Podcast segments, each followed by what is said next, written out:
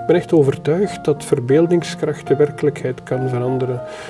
Niet alleen, ik alleen kan niets, hè, maar samen denk ik, als je mensen samen kunt brengen, dan kun je wonderlijke dingen doen. Er is niks fout met die kinderen, er is niks fout met hun verstand, er is niks, er is niks fout mee. Wij begrijpen hen alleen nog niet. Het zijn nog niet begrepen jongeren. En als we die stap kunnen maken en op grote schaal, dan lossen we dat, die schooluitval op op een paar jaar tijd nul.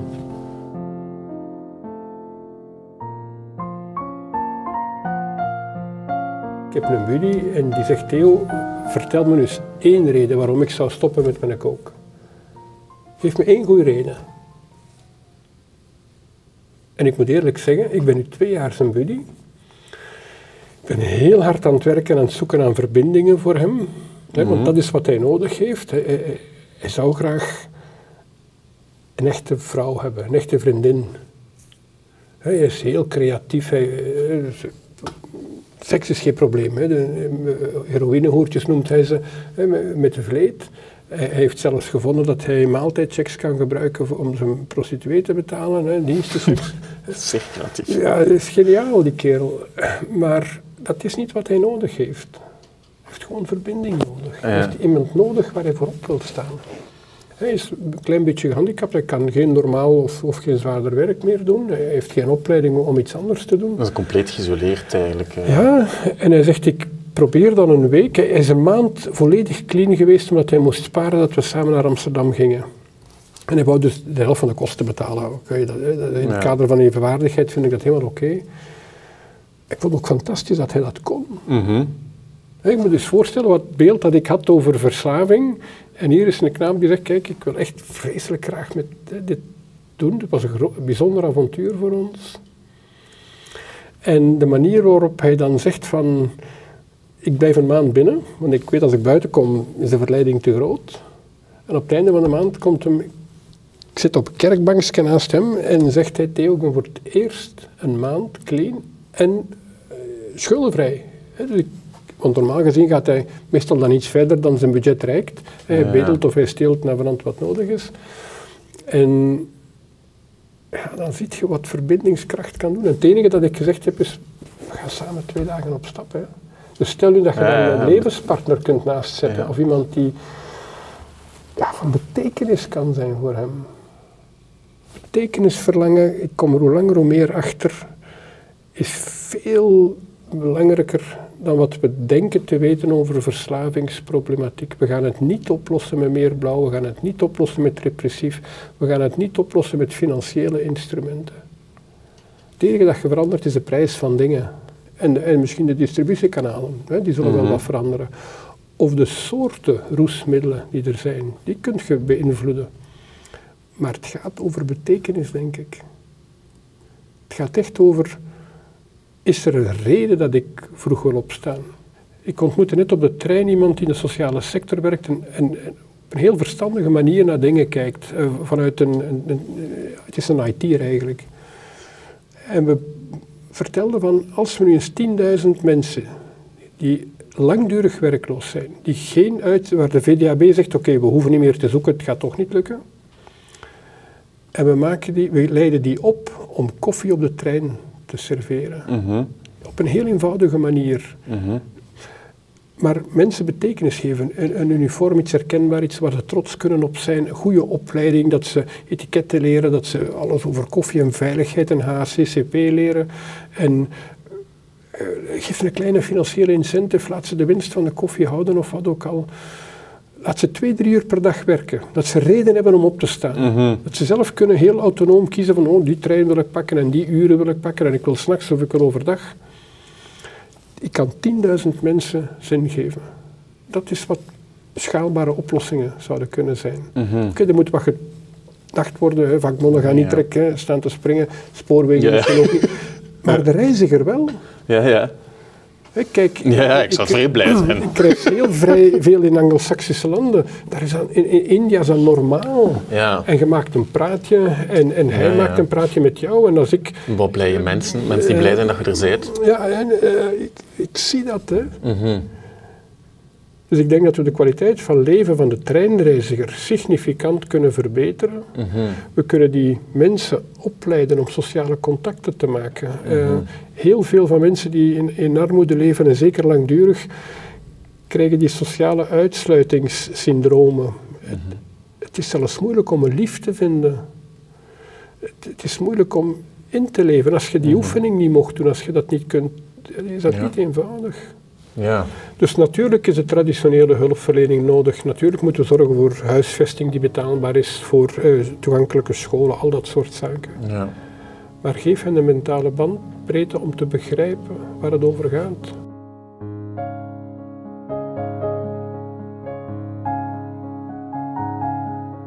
Het concept bedrijvencentrum bestaat in België sinds de jaren 80.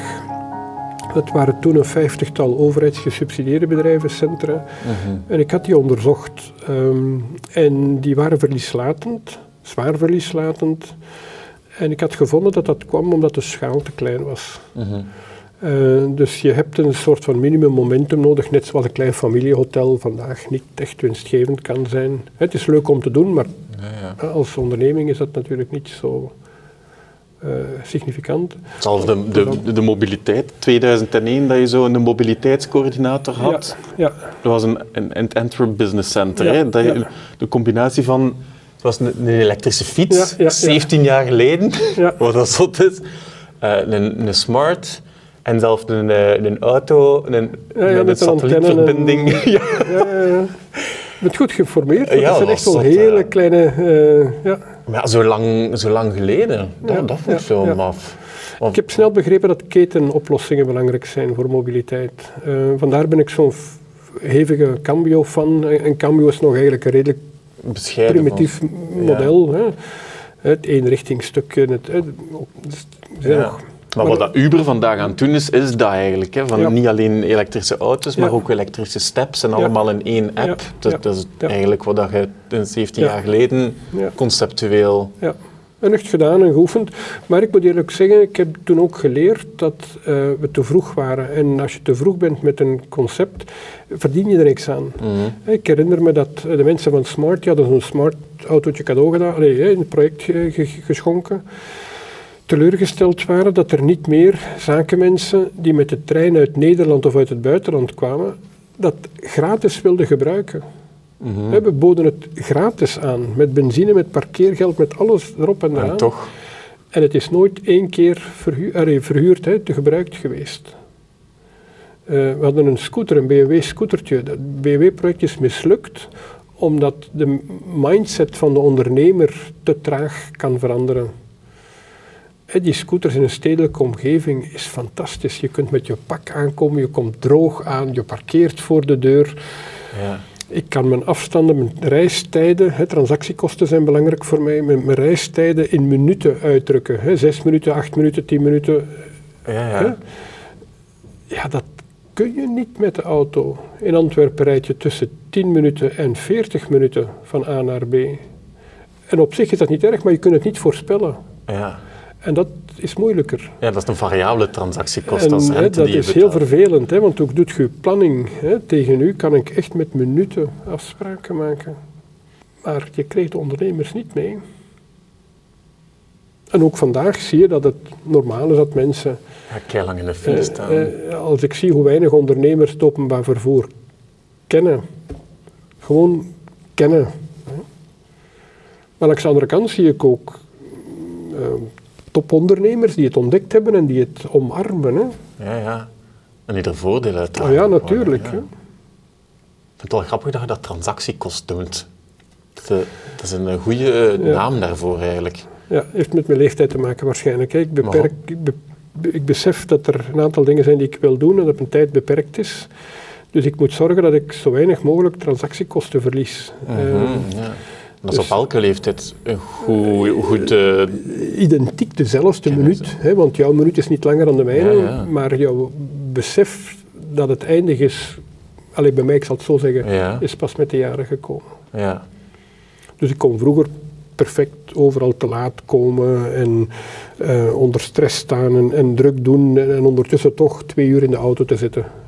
Hè, dat vond ik vroeger normaal. want Dat was deel van mijn drukdoenerij. Eh,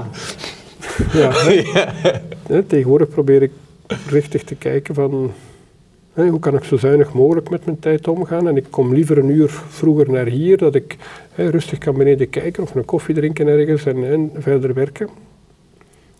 Geen stress, geen verlies van tijd.